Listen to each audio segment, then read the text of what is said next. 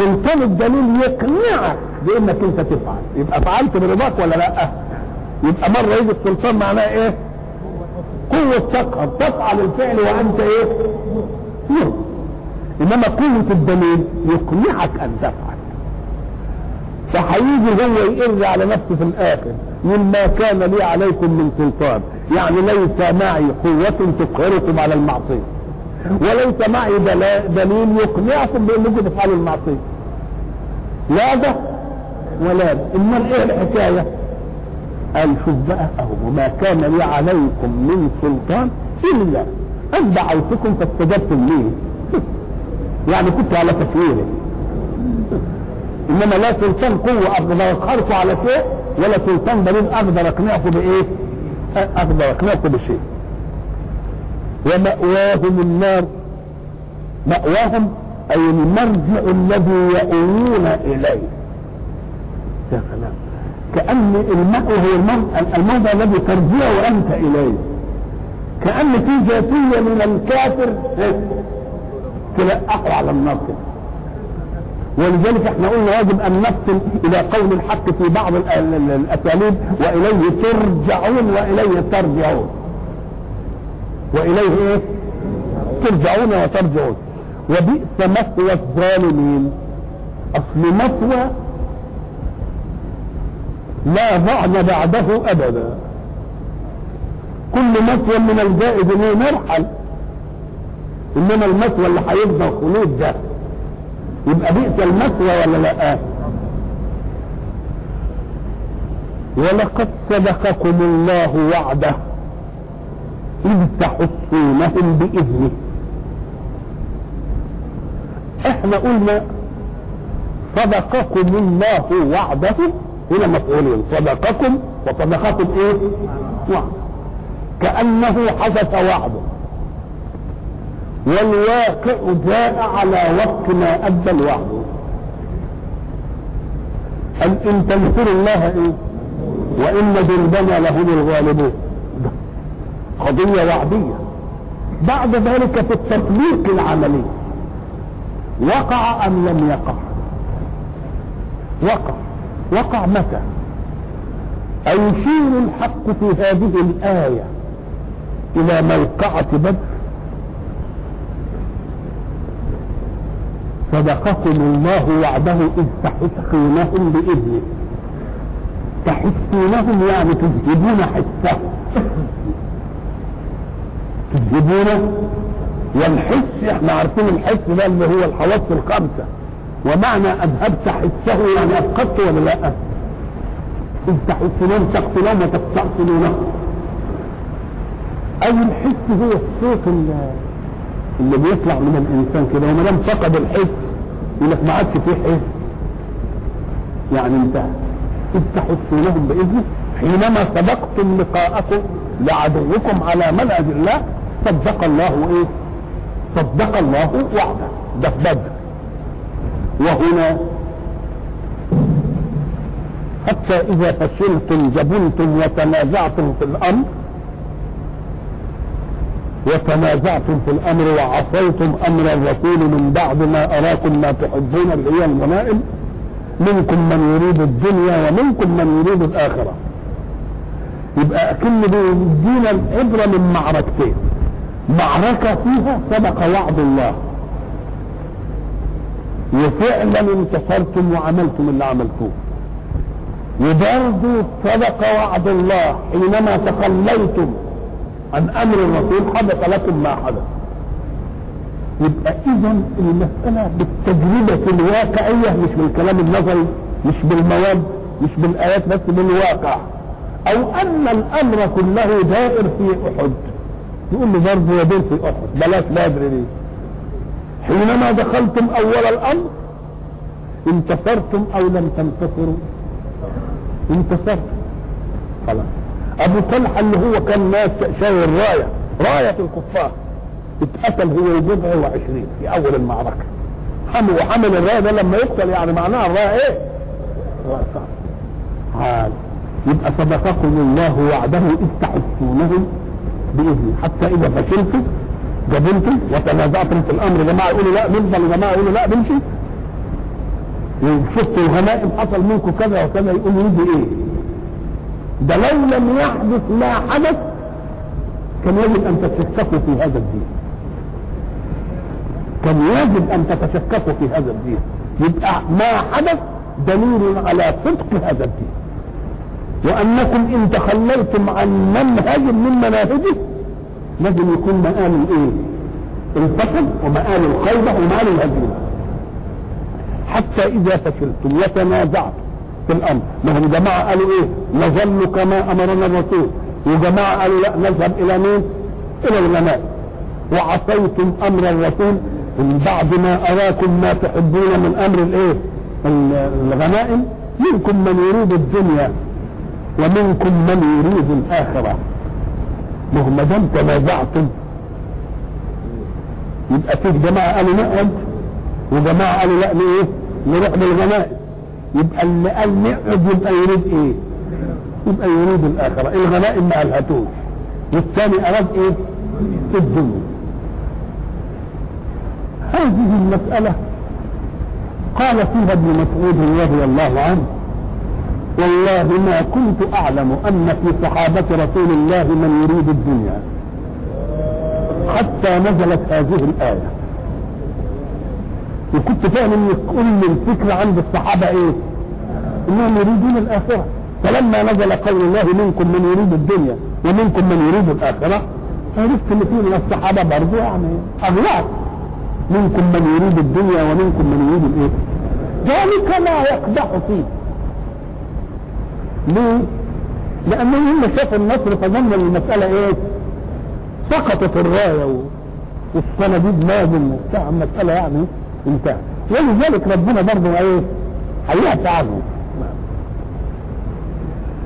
ثم صرفكم عنهم ليبتليكم صرفكم عنهم اي نعم كنتم مشغولين بقتالهم قبل أن تنظروا إلى الغنائم فلما نظرتم إلى الغنائم اتجه نظركم إلى مطلوب دنياكم. فانصرفتم عنهم ولم تجهزوا عليهم ولم تتموا الهزيمة بالنسبة لهم. صرفكم عنهم ليبتلكم لأن الغزوة جاءت غزوة رياضة على المنهج. فديك أكنها مقصودة يعني. مقصودة عشان إيه؟ عشان الابتلاء. وتشوف اللي حدث ده كله وبعد ذلك نجحت التجربة أو لم تنجح. نجحت التجربة. وقلنا إن بعد هذه المعركة ما حصلش لمعركة المسلمين إيه؟ هزيمة ولذلك يقول لك إيه؟ الدرس الذي يعلم النصر في الكثير لا يعتبر هزيمة في القليل. ما دام اداني دي يعني افرض ان ولد من الاولاد سقط سنه وبعدين شاف ذلة السقوط وشاف شماتة الناس فيه وشاف نظرة الاهل له وشاف مثلا تقدير مدرسين وتقدير الحته اللي حواليه وبعد ذلك قال آه الجدع والجدع أنت والجدع عشان يعوض إيه؟ يوم بقى بدل ما رتب يبقى يطلع بالعشرة الأوائل لما يطلع بالعشرة يبقى الخامس يطلع. يبقى اللي حدثت له إيه؟ الأولانية دي. يبقى خير ولا مش خير؟ آه يبقى له خير.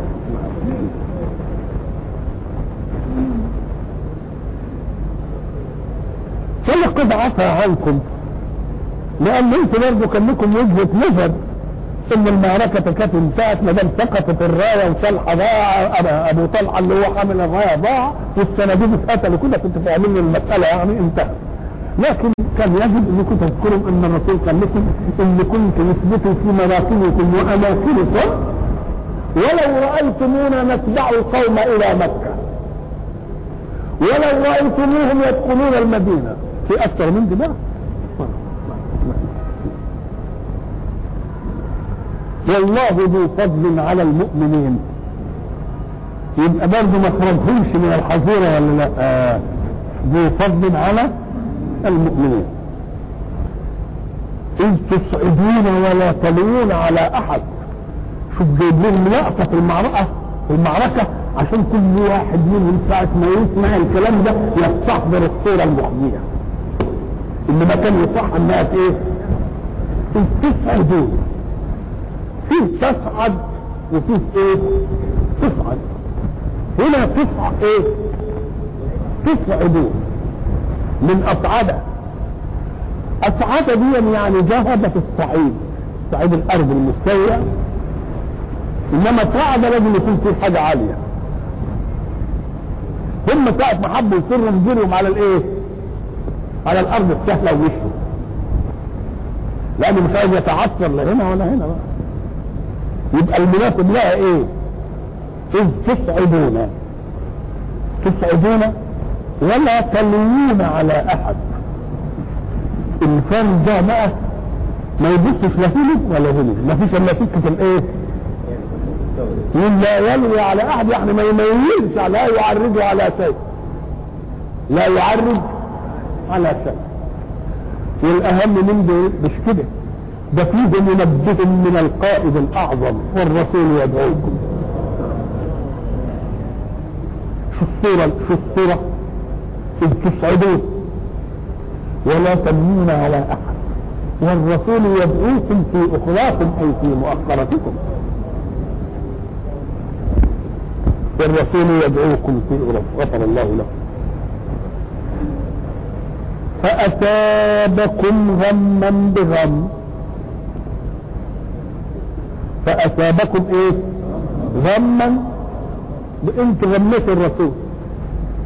بأنكم خالفتوا إيه؟ فأوقفكم هذا الإيه؟ الموقف. أهي كلمة أثابكم غما بغم انزل طب كان عاقبكم. إنما شوف حنان الألوهية. أثابكم ليه؟ قال عشان نبقى خالصين تبقى ثواب ولا مش ثواب؟ ما يعني يعني الحق سبحانه وتعالى بربوبيته بألوهيته بالمؤمنين. برضه ما قساش عليهم في الموقف. أن أصابكم غما بغم فكأن ما حدث لكم آه يبقى تخليف حق تخليف حق وتبقى صفة لا. يا سلام يا سلام. فأثابكم غما بغم لكي لا تحزنوا على ما فاتكم. المسألة دي بقى والخزي ده والمسألة الذلة دي شغلتكم عن إنكم تبقوا الغنائم. لو ما كانتش حصل دي كان يمكن بالكم يتم في الايه ولذلك لما يجي واحد يجيب لي سيف الغنائم يقول اسكت ولا الغنائم ولا مين الله. طبعا. ما هي اللي جابت لهم الحكاية دي؟ تقول له ولا فلان؟ ما تجيب السيف الله. كأن اللي حدث الهم اللي حدث ده عشان يعمل إيه؟ عشان يطلع من قلبكم اللقطة بتاعت سيل اللي قاعد على الغنيمة. مش هيطلعها إلا دي. فأثابكم أثابكم. غما بغم لكي لا إيه؟ تحزنوا على ما فاتكم. ولا ما أصابكم. والله خبير بما تعملون. يعني يقدر أيضا إن كنتم إيه اللي استولى عليكم. لأن من الجائز والرسول يدعوكم في اخراجكم دي من هول المعركة ما تسموش؟ من هول المعركة ما تسموش؟ يبقى, والله خبير بما إيه؟ بما تعملون. ثم أنزل عليكم من بعد الغم أمنة نعاسا كلمة أنزلة دي ساعة ما تسمع أنزلة دي تدل على أن ده عطاء علو. عطاء علوي ماليش دعوة بالأسباب المادية ولا بقوانين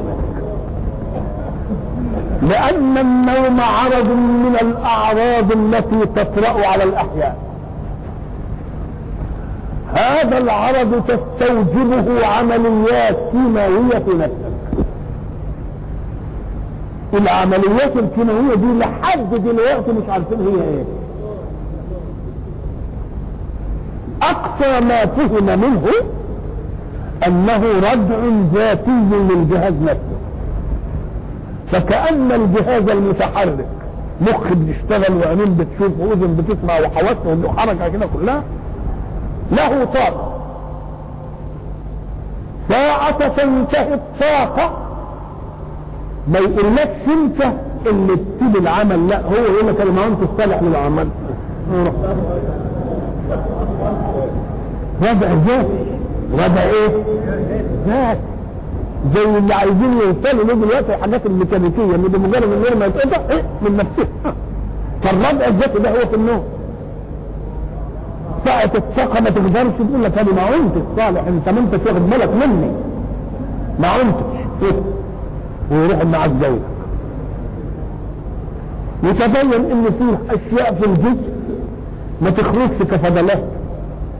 لأن نتيجة الحركة احتراق.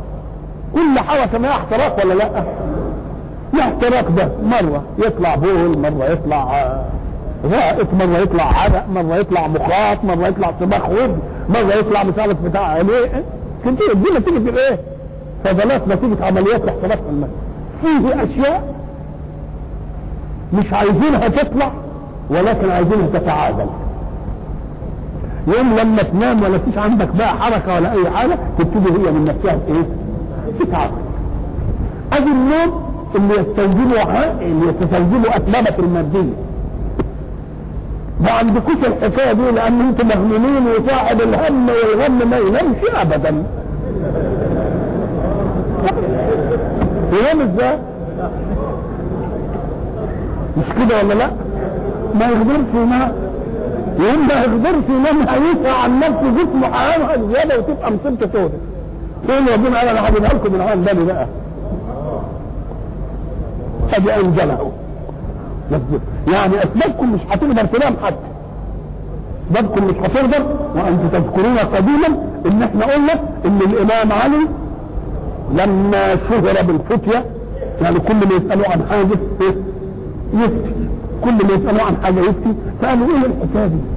إحنا عايزين نجيب له مسألة معقدة قوي عشان نسأله ونشوف الفتية دي بتيجي إزاي. هو يفتي لأنه اتربى في حضن النبوة. النبوة جت وهو لسه صغير الصحابة التانيين كانت النبوة جت وهم أخبار اللي سنه كذا واللي سنه كذا ففي معلومات أيام الجاهلية دخلت عندهم. إنما ده ما دخلتوش معلومة من معلومات الجاهلية. كل المعلومات اللي عنده إيه؟ فالتفاعل ده كله بينشأ عنه فتية فتية يعني فتية ولذلك كان سريع سريع امرأة تجيله تقول له يا ابن أبي طالب أنا إزاي اديني دينار من من من 600 ولا. من ريتي خلى صرف 600 دينار اديني دينار واحد. مستكثرة الحكاية دي. فراح على طول قال لها لعله مات عن زوجه وعن بنتين. خلاص؟ الزوجة هتاخد السن بخمسة وإيه؟ وسبعين. مش كده؟ ولا إيه؟ آه. الزوجة هتاخد السن خمسة وإيه؟ وسبعين. وبعدين التانيين هياخدوا 400 سنتين يبقى فاضل إيه؟ 100 لعل لك 12 اخ يبقى باقي 25 يتوزع على 12 اخ الاخت تبقى انت وصولك دينار إزاي عرفت وكأي من نبي قاتل معه ربيون كثير فما وهنوا لما أصابهم في سبيل الله وما ضعفوا وما استكانوا والله يحب الصابرين. وقلنا إن الحق سبحانه وتعالى حين يقول والله يحب الصابرين كفى جزاء عن الصبر أن تكون محبوبا لله. لأننا قلنا سابقا قد نحب الله لنعمه التي أنعمها علينا. ولكن المسألة ليست في أن تحب الله أنت وإنما في أن تصير بتطبيق منهجه فيك محبوبا لله. ولذلك قلنا ان الشاعر العربي القديم فطن إلى هذه المسألة. ألم ترى كثيرا أحب ولم يحب؟ أنت أحببت للنعم. ولكنك تريد أن تكون محبوبا من الله. لأن حبك للنعم دي نعم خدها برضه الكافر. ولكن في حاجة تانية. ده دي مقدم وبعدين هيبقى فيه إيه؟ مؤخر اللي جاي. المؤخر هو ده الأصل. وإلا فالمقدم كلنا شركه فيه ولا لأ؟ اذا فلو أن الناس فطنوا إلى قول الله والله يحب الصابرين لقالوا كفى بالجزاء عن الصبر أن نكون محبوبين لله. نعم. حين أصابهم ما أصابهم وصحيح الإصابة ما لم تصنع فيهم وهنا ولا ضعفا ولا استكانة يبقى معناها لا تزال فيهم مسكة اليقين بالله. مسكة اليقين بالله تجعلهم أهلا لإمداد الله. فليس لك إلا أن تصبر على ما أنت فيه لتعرف مدد الله لك. ومدد الله لك لا يتجلى بحق إلا في وقت ضعفك. لأن وقت قوتك يمكن تعمل زي الناس اللي قالوا إنما أوتيتوه على إيه؟ إنما أوتيته على علم. حين أصابهم ما أصابهم فما وهنوا وما كانوا إلا أنهم كانوا متيقظين إلى قضية إيمانية. إن الله لا يسلمك لنفسك إلا حين تزيد عنه. فقالوا طيب إحنا حصل لنا ما حصل به ليه؟ ما قالوش ربنا انصرنا عشان نخرج من الضعف ونخرج من العملية دي لا فكروا في الأسباب التي أدت بهم إلى هذا. وما كان قولهم إلا أن قالوا ربنا اغفر لنا ذنوبنا. آه فكأن ما حدث نتيجة لذنب تقدم. ففطنوا إلى السبق كان المفروض إنهم في معركة والمعركة دي أجهدتهم وأنهكتهم. ما ضعفوش؟ كان المفروض يا رب انصرنا الأول. انصرنا. قال لك لا ده لازم اعرف السبب في الخيبه الأولانية دي إيه؟ السبب في الخيبه الأولانية دي إن الله لم يسلمني إلا لأني نسيته. ما كان قولهم إلا أن قال. ده القول اللي قالوه. ربنا؟ وشوف كلمة النداء بقى بتاعت ربنا.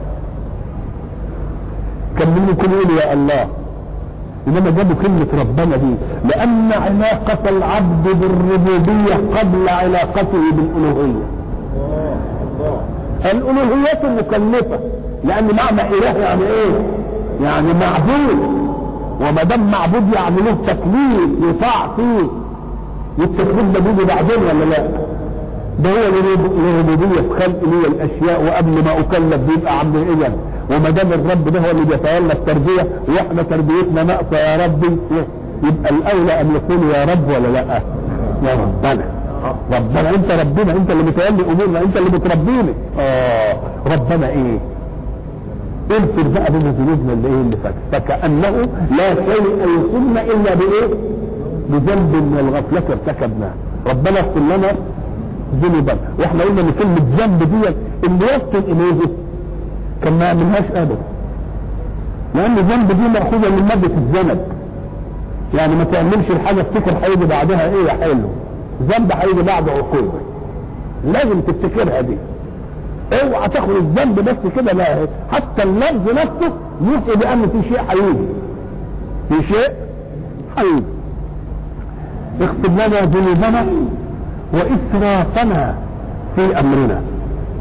اسرافنا في أمرنا نعم. لأن كل معصية من نوع ما أحله الله زيادة عن مقومات حياتك. الله شرع لنا الزواج. أو علشان نجيب أولاد. يقول لما ناخد أكثر من كده نبقى اسرفنا ولا لا؟ يبقى اسرفنا الله أعطانا مال بحد حركتنا. يبقى انطمعنا في مال الغير يبقى أسرفنا ولا ما اسرفناش يبقى اسرفت بتاخد حاجة مش ضرورية لقوام حياتك. تاخد حاجة ليست ضرورية لقوام إيه؟ حياتك. ولذلك الحق سبحانه وتعالى حينادي يقول يا عبادي الذين أسرفوا على انفسهم أنا محلل لك كذا من النساء إيه اللي خلاك عينك تزيغ وتروح. أنا محلل لك كتب إيدك ومحلل لك حتى ان كنت غير أو محلل هتاخد صدقه اسرفت ليه الله. يبقى كل أمر زائد عن الحد المطلوب من بقاء الحياة يبقى اسمه إيه؟ يبقى اسمه اسراف وإسرافنا في أمرنا وثبت أقدامنا. ابتدأوا بقى يبتدوا يدخلوا في الإيه؟ إنما الأول شافوا إيه؟ ليه؟ لأن التخلية من أسباب تخلي الحق عن نصرتنا الأول. وبعدين نقول له بقى إيه؟ لأنك لما يخفي الذنب يوجد الاسراف في الأمر يبقى أهل لمين أهل للمدد وأهل لتثبيت الله. وثبت أقدامنا. كلمة وثبت أقدامنا المفهوم في المعركة انها مش الأقدام ما تثبتش. ده المعركة صاحبها طوال جوال متحلق مش كده ولا لأ؟ يروح لده ويروح لده ثبت اقدامنا ده معناها إيه؟ آه. كلمة ثبت اقدامنا يعني ما تخليناش نسير عن أرض المعركة. هتقول إنما في أرض المعركة. ما تسيبش أرض المعركة أبدا. ولذلك ثبات في الموقع زي ما قلنا أن الكفار لما حصل منهم ما حدث ما ما ظلوش في أرض المعركة. ده سابوا أرض المعركة ومشوا. ودول ولو انهم هذا وقعدوا في أرض المعركة مدة ولا لا؟ وجروا ورا بكم ولا لا؟ ولذلك يعني حتى البشر ابتدى أخيرا. في فرنسا نشان يسمونه نشان الذبابة. أقوى نشان حربي نشان إيه؟ الذبابة. الله. إيه نشان الذبابة؟ دي اشمعنى يعني؟ قال لك لأن الذبابة إن تركتها عن مكان لا بد أن تعود إليه. فكذلك ما تطفي القائد انه انطرف عن أنت لازم إيه؟ يوطي نفسه على إنه فادوني نشان الايه نشان الذبابة يبقى ثبت اقدام يعني كان حتة في أرض المعركة. لا نبرحها. لأن إحنا ساعة نبرحها. يبقى دي أول إيه؟ أول الهزيمة. دي تجرأ مين؟ تجرأ العدو. وثبت أقدامنا وانصرنا على القوم الكافرين. كلمة وانصرنا على القوم الكافرين دي دي حيثية يبقى ما دام انصرنا على القوم الكافرين تبقوا أنتوا مؤمنين؟ لازم مؤمنين ده حق بقى. ولا بس كده يعني؟ ما دام أنتوا طالبين إن ننصرك على الإيه؟ ولذلك سيدنا عمر بن الخطاب يقول الكلمة بتاعته المشهورة إنكم تنتصرون على عدوكم بطاعة الله. فإن استويتم أنتم وهم في المعصية غلبوكم بعدتهم وعدمهم أنتوا بقيتوا قد بعض إيه الفرق بقى بينكم وبين بعض؟ نعم. فحينما أحسنوا بأن تنبهوا إلى موطن الضعف فيهم اولا الذي استوجب أن يصيبهم ما أصابهم. صحيح ما ضعفوش ولا استكانوا إنما أصابهم شيء ولا لا أصابهم. تنبهوا فأحسنوا البحث في نفوسهم اولا. إنهم يتكلموا عن الذنوب وطلبوا المغفره يتكلموا عن الاسراف في الإيه؟ في الأمر. وبعد ذلك يتكلموا عن المعركة. ثبت اقدامنا وانصرنا على الإيه؟ فآتاهم الله ثواب الدنيا.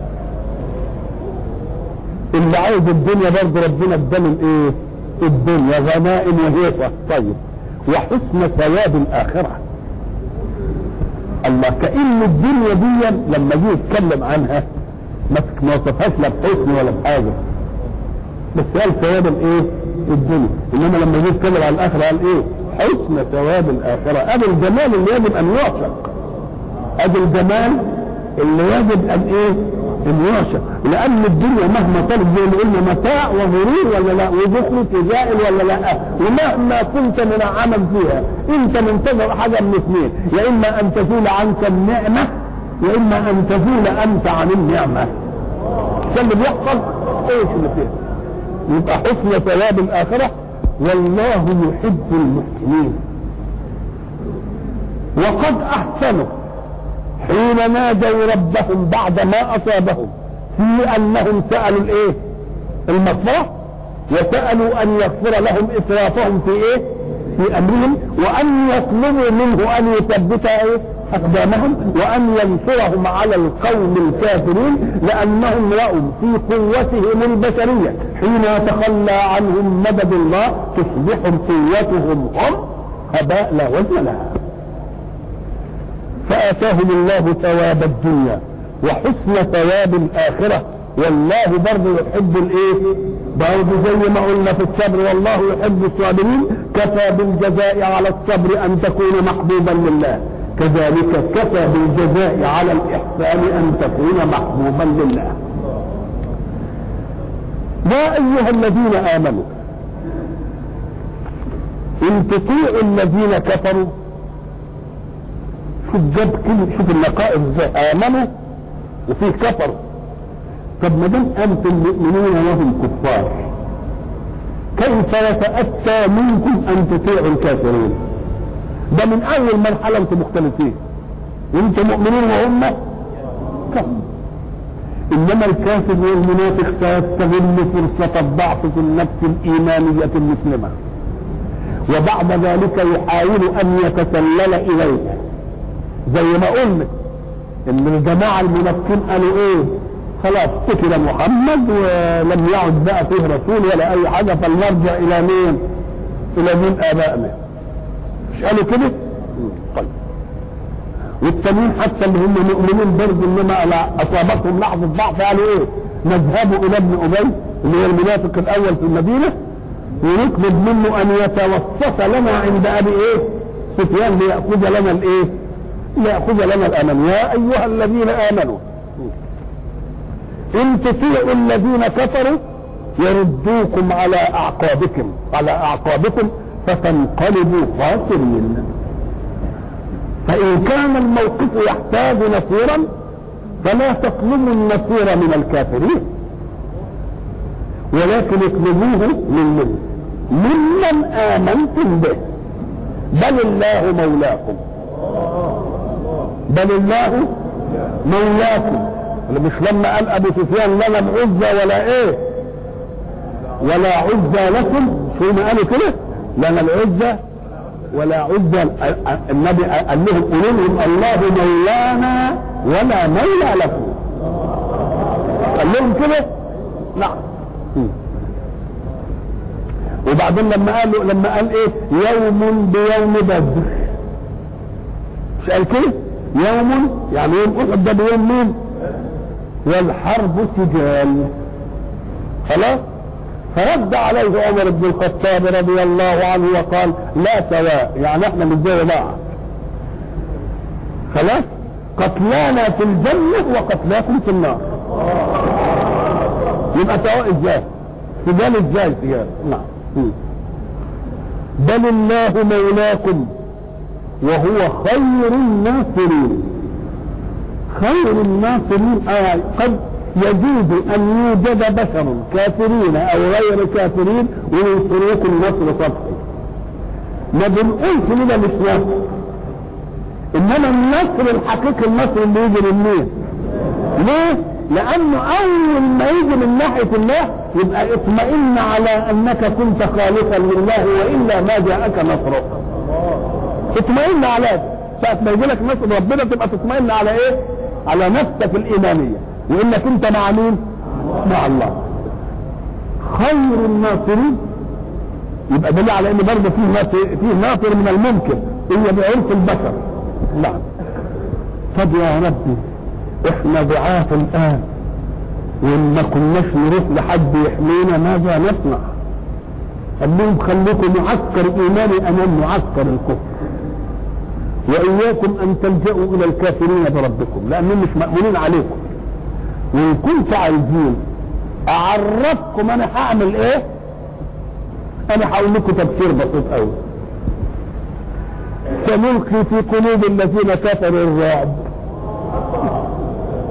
طب إذا ألقي الرعب في قلوب الكافرين ماذا يفيدهم من عددهم ومن عددهم عددهم وأموالهم تبقى بتاعتهم تبقى في السلب ولا لا؟ تبقى هناخدها في السلب ادي قال لهم اطمئنوا أنا مولاكم. واحد يقول طب هيعمل إيه ده؟ أعداد وكذا وكذا ويقعد يقول إيه سنلقي في قلوب الذين كفروا الرعب. وألقي اولم يلقى. وألقي بالفعل. ساعة ما قالوا له إن محمدا جاء إليك بجيش كثيف من المدينة وانضم اليه الناس اللي موجود في حربه وجايين لكم هنا في حمراء الأسد. ماذا صنعوا؟ القي الرعب فيهم وكانهم انتهوا سنلقي في قلوب الذين كفروا إيه؟ الرعب. كلمة سنلقي ملقي الإلقاء ده لا يكون إلا لمادة وعين. حاجة لها عين كده لمادة. اللي يجي القرآن يبينه فيها فألقى الألواح. مش حاجة مادية اهي طب ألقى الحجر. يبقى حاجة مادية ولا لا؟ طب فألقوا حبالهم حاجة مادية عين اهي مش كده؟ وأوحينا إلى أم موسى أن أرجعي. فإذا خفت عليه فألقيه في اليم. يبقى الإلقاء ده لأمر إيه؟ مادي. كأن الله يريد أن يجعل المعنى وهو الرعب. الرعب ده معنى. والمعنى ده شائع.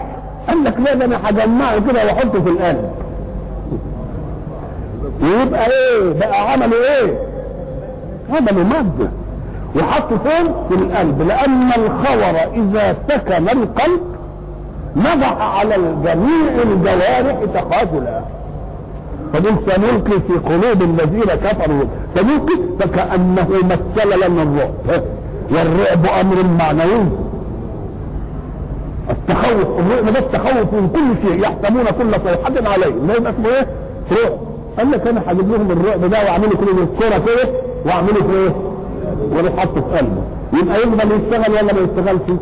مش معنى زائح كده ولا بتاع. سألقي في سنلقي في قلوب الذين كفروا. الرعب انظروا إلى التعابير الصادرة عن الله. مرة بتيجي بمين العظمة. سنلقي. مع إن اللي هيلقي الرعب ده ليه؟ الله كان سألقي مش كده؟ يقول له خد بالك أما الحق سبحانه وتعالى ساعة يتكلم عن أمر يحتاج فعلا يجيب مين العظمة؟ ساعة ما يتكلم عن الذات يجيب أمر واحد. زي ما يبقى إنا نحن نزلنا الذكر. لأن انزال الذكر ده إيه؟ عملية كبيرة قوي تبنيه العظمة.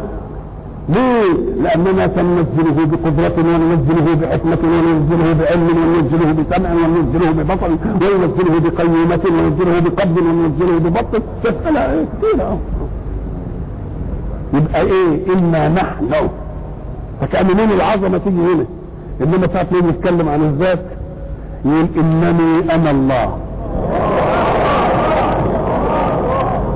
إنني ما قالش لا إنما ولكن لما جه الإنزال قل الا ما قالش إني أنزلته في ليله القدر.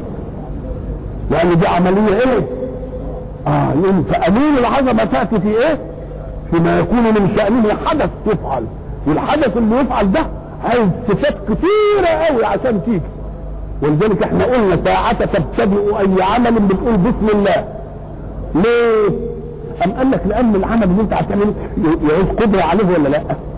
ويعوز علم قبل ما تعمله ولا لأ ويعوز حكمة ولا لأ بيعوز صفات كتيره تبقى أنت بتدخل على العمل باسم القادر على الذي يقدرك مش كده؟ وباسم العليم اللي يعلمك وباسم الحكيم اللي يفعل الله. ده أسماء كتير. كل الصفات دي هتتكاتب في ابراز الإيه؟ العمل. علشان علشان يرحمك حتى في الاستعانه ما يقولكش هات الصفات كلها اللي يعوزها فعلك. لأن في صفات أنت ما انت عارفها مين يقول لك طب هات الاسم الجامع لكل صفات الكمال. قل بسم الله. بسم الله دي هتيجي فيها كل إيه؟ كل صفات الكمال. كل إيه؟ كل صفات الإيه؟ الكمال. إذا فانت تلاحظ أنك إذا رأيت من العظمة اللي إحنا بنسميه الجمع يعني مش إحنا بنقول نحن للمتكلم للجماعه أو للمتكلم الواحد حين يعظم إيه؟ نفسه. ولذلك إحنا حتى بنلاحظها في القانون البشر. مش كده؟ مش كانوا بيقولوا في الملكات نحن مثلا كذا كذا نحن الملك نحن. مش كده ولا لأ؟ آه. يبقى دي اسمها نون الإيه؟ بالنسبة لله مش نون الجماعة اسمها نون الإيه؟ نون العظمة. العظمة الجامعة لكل صفات الكمال الذي يتطلبها أي فعل من الأفعال. فإذا ما اتجه إلى الذات قال إنني أنا الله. سنلقي سنلقي في قلوب الذين كفروا الرعب اذا القلب ده عايز إلقاء وقلب ده عايز القاء وده القلب ده عايز إلقاء وده قلب ده عايز إلقاء تبقى مين العظمة تيجي ولا ما تجيش إزاي استوعب الحكاية دي كلها هذه العظمة. نعم. ونلقي في قلوب الذين كفروا الرعب لم نتجن عليهم بإلقاء الرعب ولكن هم الذين استحقوا أن يلقي فيهم الرعب بما أشركوا. الإشراك بالله هو اللي جاب لهم إيه؟ هو الرعب ليه؟ لأن الله يفعل والشركاء لا يفعلون. لو أن شركائهم دي حق كان لما يتخلى عنهم اله هينصر جماعة يجي الشركاء بتوعهم ينصروه إنما الرعب يجي منين؟ الرعب لأنه ما لهمش نايله الرعب ما لهمش إيه؟ ما لهمش نايله لو كان لو كان الكلام ده بحق كان يقول لك رب آه رب محمد ده ما دام قال ولا كده. اغضبنا تقف ليه؟ أنت اشركت إيه؟ بالله ما لا يضر ولا إيه ده؟ ولا بل ضره اقرب إيه؟ من نفعه بما أشركوا بالله. أشركوا به ما لم ينزل به سلطانا. السلطان هو القوة والحجة والبرهان. مأخوذ من إيه؟ حتى إحنا لما نيجي نتكلم كده نقول فلان تسلط على فلان. يعني ارغمه بقدرته عليه. مش كده؟ وحتى لما نيجي يقول لك فلان ده سليط اللسان. يعني قادر يقعد يشتم ويعمل فيها ده سليط اللسان ده عنده آه. يبقى السلطة هي إيه؟ السلطان هو إيه؟ القهر والقوة التي ترغم على الفعل. وفي المعنويات هي الحجة والبرهان. الحجة والبرهان المؤمنون دائما ذو سلطان من الله. لأنهم إن انتصروا ماديا فذلك سلطان القهر وإن هزموا ماديا فعندهم سلطان الحق والدليل. باقي لهم سلطان الحق والإيه؟ والدليل. ولذلك إحنا قلنا قديما إن إبليس يأتي يوم القيامة يقول وما كان لي عليكم من سلطان. وقلنا ان السلطان نوعين يا قوة فيه تقهرنا على أننا نفعل المعصية. يا برهان ودليل يخلينا إحنا نفعل المعصية. الفرق بين القوة القاهرة أنها تجعلك تفعل وأنت مرغم غير راض عن الفعل.